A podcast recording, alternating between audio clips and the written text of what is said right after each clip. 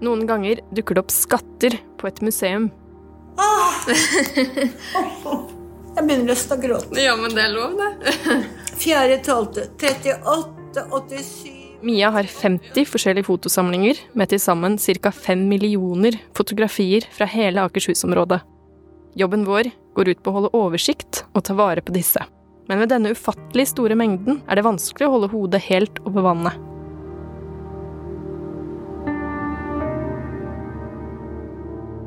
Vinteren 2020 oppdaget vi en stor samling med 50 flytteesker markert 'ikke rør'. Eskene var fylt opp med et uoverskuelig stort antall tunge glassplater. Hva var disse bildene? Hvorfor sto de utenfor fotomagasinet? Og hvorfor skulle de ikke røres? Det vi visste om samlingen, var bare at bildene ble tatt av fotograf Bodil Olsrud. Eskene ble reddet fra en vannskadet kjeller på Jessheim på begynnelsen av 2000-tallet. Siden har de stått urørt på museet. Du hører på en podkast av Mia Museene i Akershus. Jeg heter Joanna, og sammen med Ina jobber vi som konservatorer i museet og med formidlingen av våre kjente og ukjente historier. I denne episoden blir du kjent med den danske fotografen Bodil Olsrud, som drev eget fotoatelier, Olsrud Polifoto, på Jessheim fra 1950 til 1965. Hvem var Bodil? Hva slags fotograf var hun? Hvordan var det å være kvinnelig fotograf på 50-tallet? Hvordan klarte hun å produsere et så enormt antall bilder i løpet av kun 15 år? Det viser seg at Bodil ikke er alene om å bli glemt. Mange kvinnelige fotografer har falt i skyggen av deres mannlige kollegaer. Dette er også en del av et større samfunnsproblem. Eh, nei, det, nei, for det viser seg jo det at når man går inn på egentlig ulike samfunnsområder, så er det det samme bildet som tegner seg. Altså Om du ser på antallet kvinner som er intervjua i mediene, om du ser på eh, kvinner, eh, kvinnelige representasjoner på digitalt museum, og hvordan kvinner portretteres i populærkultur altså Det er det samme fenomenet som går igjen overalt. Sier Mona Pedersen, avdelingsdirektør ved Kvinnemuseet Anno i Kongsvinger. Etter andre verdenskrig var det begrenset mulighet for kvinner å etablere seg i yrkesmarkedet. Fotograf var et nytt yrke som ikke var knyttet til kjønn eller klasse. Helt fra siste halvdel av 1800-tallet var fotograf et viktig kvinneyrke. Det var likevel flest menn som drev eget atelier. Statistikk viser at i 1875 var 14% av fotografer i Norge kvinner. I 1900 økte tallet til 31 Det er flere grunner til at kvinners bidrag til fotohistorien er underkommunisert. Kvinner jobbet sammen med mennene sine, overtok atelieret etter mannen, eller var involvert i familiebedrifter, som søstre, døtre og hustruer. Vi vet at mange tok bilder uten å signere dem med eget navn. Dette er ikke så rart, siden forskningen om representasjonen av kjønn i offentligheten viser at det er en stor ubalanse. Fordi eh, Hvis vi ikke si, tar, tar de med, da, så virker det jo inn på hele historieforståelsen vår, og vi feiler i det å skulle representere mangfoldet i både historien og kulturen og naturen og kunsten og alt. En sånn 70-30-deling på 70% menn og 30% damer som er synlige, da, eller som får liksom fortalt historien sin. Uh, og hun forklarer det med at Med dette som bakgrunn har Mia i samarbeid med Museumsnettverket for kvinnehistorie, ledet av Kvinnemuseet, startet et prosjekt for å synliggjøre kvinner og bidra til mer likestilling i fotohistorien.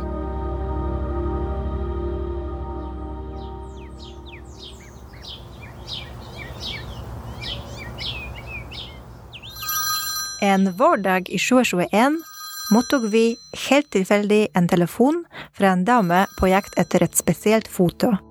Det er ikke uvanlig for oss å få slike henvendelser. Men det spesielle her var at hun var den første som spurte om samlingen etter Bodil Olsrud. Den samme samlingen vi nettopp hadde oppdaget. For Grete Sundby fra Esheim var nemlig på jakt etter et familieportrett av henne og hennes to søstre, tatt da de var små jenter på 1950-tallet. På dette tidspunktet hadde vi akkurat påbegynt arbeidet med samlingen, men vi hadde ennå ikke oversikt og ante ikke om bildet i det hele tatt fantes. Jeg hadde tenkt å overraske mine søstre skjønner dere, med å kunne f ha funnet disse bildene. Og så gøy, ja. Samlingen var i såpass dårlig tilstand at det var nødvendig å jobbe med den utendørs iført verneklær og elektrisk helmaske. Glassplatene måtte støvsuges og renses. Vi sorterte og tilstandsvurderte hvert enkelt bilde og byttet emballasje der det var nødvendig. Ca. 2000 bilder var så skadet at de måtte kastes. Det tok hele to år for oss og våre kolleger fra museumstjenesten å gå gjennom og gjøre samlingen søkbar. Høsten 2022 hadde vi fått såpass god oversikt at vi nå kunne ringe Grete Sundby tilbake og invitere henne til fotomagasinet på Strømmen, slik at hun kunne lete etter bildet sitt. Dere er jo veldig snille da, som lar meg få se på alt dette. Vi viste henne Bodils bestillingsregistre. I disse bøkene står navn på den som har bestilt avfotografering, ført opp kronologisk og alfabetisk. Det eneste Grete husket, var at portrettet ble tatt en gang på 1950-tallet, og at det var hennes far, Ole Jakob, eller mor, Elisabeth Sundby, som bestilte det. Å, det er hun så Så flott! Ja, det... Dette har hun skrevet. For hver bestiller førte Bodil et unikt nummer som vi kunne spore i arkivet, og dermed knytte bestiller til negativ. Det viste seg at det var mange kunder med etternavnet Sundby. Her er Jon Sundby igjen. Men det er ikke noe. Sissel, ja. Inger. De er søstre. Rolf Sundby. Nei. Skedsmo. Vi plukket ut de mest aktuelle bestillingsbøkene og lette oss igjennom. Vi var temmelig usikre på om vi kom til å finne nåla i høystakken. Dette var morsomt. Astrid og Ragnhild? Astrid og Ragnhild, nei. Nei. Her står det Ole Sund, eh, Sundby, men det er ikke Det er Steinsgård. Det er Namstad. Det er så deilig at noen bryr seg om gamle ting. Si det, det gjør vi. Det gjør vi her på museet. Jeg vet ikke om Ville vi finne bildet av Grete og søstrene hennes? I løpet av dugnadsarbeidet hadde vi blitt mye bedre kjent med samlingen. Den besto av atelierportretter hun hadde tatt i løpet av de 15 årene hun drev fotoforretning. Vi la bildene ut på et arbeidsbord og sorterte dem i ulike motivgrupper. Her fant vi familier, brudepar, konfirmanter, kjæledyr og barn i ulike aldre. I tillegg til oppdrag fra privatpersoner tok også Bodil bilder av soldater fra de militære leirene på Gardermoen og Trandum. Samlingen hennes gikk oss et unikt innblikk i motebildet på 50- og 60-tallet. Vi ser 50-tallsfrisyrer med bølgete hår og kjoler med klassiske snitt, og skjørt med mye volum og katteøynebriller. Her var det menn i dress med brillekrem og sleik. Samlingen viser også hvordan motebildet endrer seg på 60-tallet. Mennene får nemlig lengre hår og pannelugg, og kvinner får tupert hår, vipp, hårbånd og store sløyfer. Da ble det også moderne med korte brodekjoler, store slør og høyere frisyrer.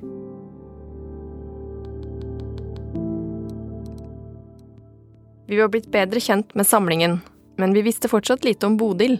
Samlingen inneholdt ikke et eneste bilde av hun som sto bak kamera. Vi sporet opp døtrene til Bodil, Lisbeth og Louise, som kunne gi oss et større innblikk i livet hennes. De fortalte oss at Bodil ble født i Århus i Danmark i 1925. Hun begynte fotografutdannelsen rett etter annen verdenskrig som lærling hos Christian Hersten. Hun tok svennebrevet der i 1948. Hun tok masse sånn eh, amatørfoto i, med, i sin egen ungdom. forteller datteren til Bodil, Lisbeth. Sånn at jeg kan tenke meg at hun så for seg at, at det var et yrke som passet for henne. Og så tenker jeg i den tiden så gikk man vel bare rundt og spurte etter læreplasser. Så hun var interessert i det og, og, og gikk til han som het fotograf Hersten, som da drev midt i Århus sentrum. Christian Hersten drev fotoatelier i Århus sentrum med sin kone, som vi mangler navn på. Hun er altså et eksempel på enda en usynlig kvinne i fotohistorien. Men det forblir en annen fortelling. Lisbeth og Louise viste oss fotoalbum fra morens ungdom og tid som lærling i Århus. Gjennom bildene får vi et annet innblikk i Bodils liv som ung kvinne. På denne tiden visste hun nok ikke at hun skulle flytte til Norge. Rett etter krigen fikk hun seg en norsk kjæreste. Han het Kjell Olstro og kom fra Jessheim. Først var de avstandskjærester. De hadde bryllup i Danmark i 1950. Dansk, 24. 24. juni 1950. Og så 24. oktober 1950. Da startet de butikken. Bodil åpnet eget atelier Olsro Polyfoto i første etasje i boligen deres, som lå sentralt på Jessheim. Lisbeth og Louise fortalte litt om hvordan det var å vokse opp med mor som fotograf med fotoatelier i huset. Der står jeg, og det er i butikken, og der driver vi kanskje og rydder, fordi at det, i de hyllene bak der pleide det å stå rammer. Og så film. Kodak-film og Ilford-film og Verania. Der sitter jeg og mamma, og mamma sitter og, mamma sitter og signerer bildene. Vi hadde et sånt lite skjulested, jeg, nemlig. Ja. ja, der står jeg og ser på. Jeg hadde sånn liten krok eh, hvor jeg sto og gjemte meg. Atelier og hjemme var fargerikt og imøtekommende. Mamma var da litt sånn speisa med hensyn på, på mote, så der var det lilla, oransje Citroën, og så var det lilla, lilla sofa, og så var det grønne stoler og gule stoler. Så herlig. Ja. Og det var i 1957. I utstillingsvinduet til butikken og inne i atelieret hang det også andre portretter av den lokale befolkningen på Jessheim. Det var spennende for folk om de kjente igjen noen, eller så seg selv i utstillingen. Publikum ble møtt med god stemning, god service og faglig entusiasme. Bodils suksess hadde å gjøre med at hun var en dyktig fotograf, men også at hun hadde en egen utstråling. Jeg tenker at alle mine venner ønsket bare å komme til meg. For de syns mamma var en så spennende person. Mamma kanskje hadde en, en aura da, som var sånn kunstnerisk og kreativ. Som tiltrakk Den absolutt travleste tiden var før jul, da hele familien var involvert, og far måtte lage mat til alle som jobbet og bodde i Gardermoveien 3. Pappa tok alltid del i, i den der som de kalte for juletravelheten. Og serverte Det var sånn, alltid en sånn kjempegod stemning. Sånn derre alle drar i samme Lisbeth forteller om et hjem hvor kjønnsrollene ikke var typiske for tiden. Jeg hørte aldri at det var spesielt å være kvinnelig. Jeg tror egentlig mer at hun var glad for at hun var fotograf. For hun syntes det var spennende når det kom mennesker til henne som hun skulle prøve Hun følte alltid for å få det beste ut av et portrett. Det var et stort behov for fotografer, og fotografyrket sto sterkt på denne tiden. Altså Etter hvert så ansatte hun jo danske fotografer på Jessheim i butikken sin. Så det var jo en viss utdannelse av, eh, av kvinnelige fotografer. Men eh, at mamma gjorde det der, der på egen hånd, det tenker jeg var modig. Bodil var ikke den eneste fotografen i området. Bryås Skogedal hadde atelier på Eidsvoll.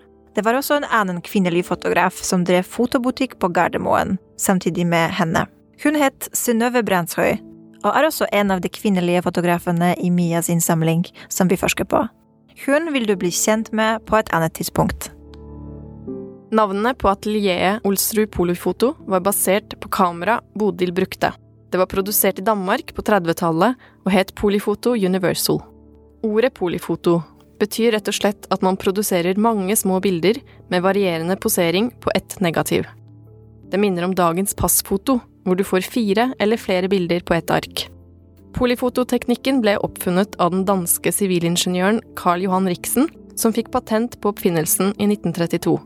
Polifoto ble utviklet som et franchise-konsept med en inngangspris som dekket kamera, lysutstyr og mørkerom. Bodil var en av flere som hadde stor suksess med denne teknikken i Norge. Teknikken representerte på mange måter et tidsskille for portrettfotografi. I starten var det en god del motstand blant fotografene mot dette nye mekaniske systemet. Det var frykt for at det skulle undergrave både kvaliteten og fotografenes økonomi. Publikum var likevel begeistret for den nye teknikken, som ga mange bilder for en billig penge. Fremkallingen var fortsatt en omfattende prosess og foregikk i mørkerom. Til og med stua ble brukt som arbeidsrom. Da kunne det være mange bilder av hver enkelt bilde, og så valgte de det fineste. Og så satte de det i mappe og tok penger for det. I fotoatelieret rekrutterte hun flere kvinnelige danske fotografer fra sin læremester i Danmark. Noen forble i Norge. Hun hadde én til to assistenter om gangen, etter hvert også en hushjelp som kunne ta seg av matlaging og rengjøring. Fotoatelieret var svært godt besøkt. Bodil hadde mange kunder. Jeg opplevde at mamma alltid var travel. Mamma hadde så mye å gjøre. Hun produserte veldig mye, og det var veldig mange som fotograferte seg hos henne. Jeg tror at hennes bilder var veldig ansett. Den tiden før jul, hvor andre mammaer hadde tid til å bake sju og tolv slag, da hadde mamma ikke tid til noen ting, og hun jobbet nesten døgnet rundt. Fotosamlingen museet har overtatt, består av hele 200 000 bilder. Det er en av museets største samlinger. Bildene tok hun over 15 år, og gjenspeiler hele befolkningen fra Jessheim-området på 50- og 60-tallet. Det var både fattig og rik på Jessheim, og både fattig og rik kom til mamma. Jeg husker eh, et bilde av en noen Altså, de var så fattige at det var helt Det var helt forferdelig. Hvor mye redusert pris de fikk, det vet ikke jeg. Men bilder skulle de ta. En av de som skulle fotograferes, var Grete Sundby med hennes to søstre. I Mies lokaler på Strømmen sitter Grete og letter gjennom registreringsbøkene fra Olsrud Polifoto etter foreldrenes navn. Den har du sett på. Den har du sett på. Og så er det denne 59. Og så er det 50-52. Vi finner fotoregisteret fra 1953 og blar oss frem til 4. desember. Da ble det gjort en fotobestilling av Fro Sundby. Vi hadde funnet moren til Grete. Jeg begynner nesten å gråte. Ja, men det er lov, det. 4.12. 38, 87, Må vi notere. 88 Ja. Den skal vi gå rett etter. Men Hva er det det står der? Det står lodding. Det er gården. Det er gården. Ja, det er ikke kløft og skjønner. Nå var vi et steg nærmere for å finne selve bildet. Med det 70 år gamle registreringsnummeret gikk vi inn i fotomagasinet for å finne Ja, fotonegativet. Her er litt mørkt. ja, jeg kan gå først. Jeg kan veie. Vi var håpefulle på Gretes vegne, men visste at det fortsatt var en risiko at bildet ikke fantes i samlingen vår. Vi tar frem Bodils fotosamling for å lete etter Gretes bilde og blar oss gjennom en rekke portretter av militære. På én konvolutt står det skrevet for hånd Suez.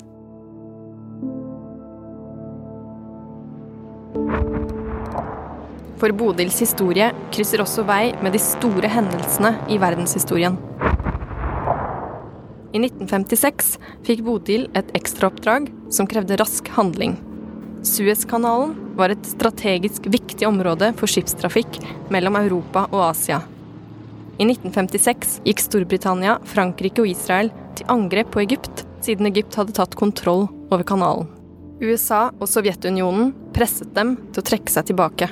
FN sendte så fredsbevarende styrker for å hjelpe til med å løse situasjonen. Norge var blant de nasjonene som stilte opp med tropper, og Bodil tok passfoto av disse FN-soldatene som skulle ha bilder på et døgn. Og da husker jeg at, eh, at da jobbet de døgnet rundt fordi at de måtte ha alle de FN-soldatene, de skulle ha bilder på et døgn.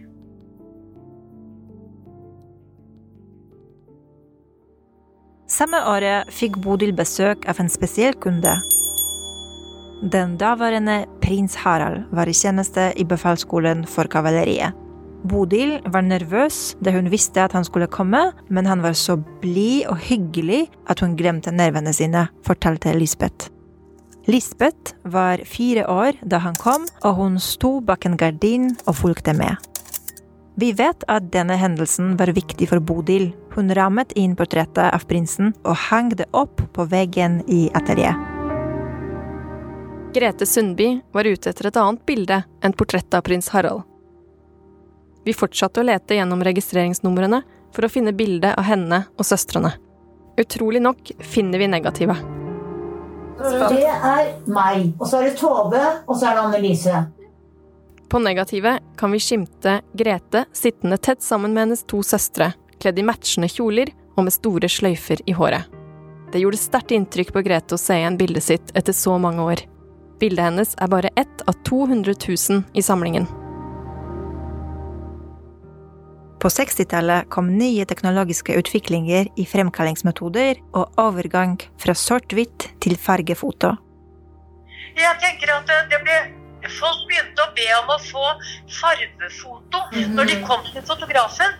Lisbeth forteller Mamma sluttet, og det brukte hun som argument ganske mye også, i hvert fall hjemme, hjemme hos oss. Det var at nå må jeg skifte ut alt utstyret. Olsro Polifoto legges ned i 1965. Ja, jeg tenker at Hun tenk, så ikke for seg at hun hadde kapasitet til å både har fått et uh, ganske lite nytt barn, og så skulle den ene av de danske damene skulle slutte, for hun hadde også fått barn. Ja. Og de skulle flytte.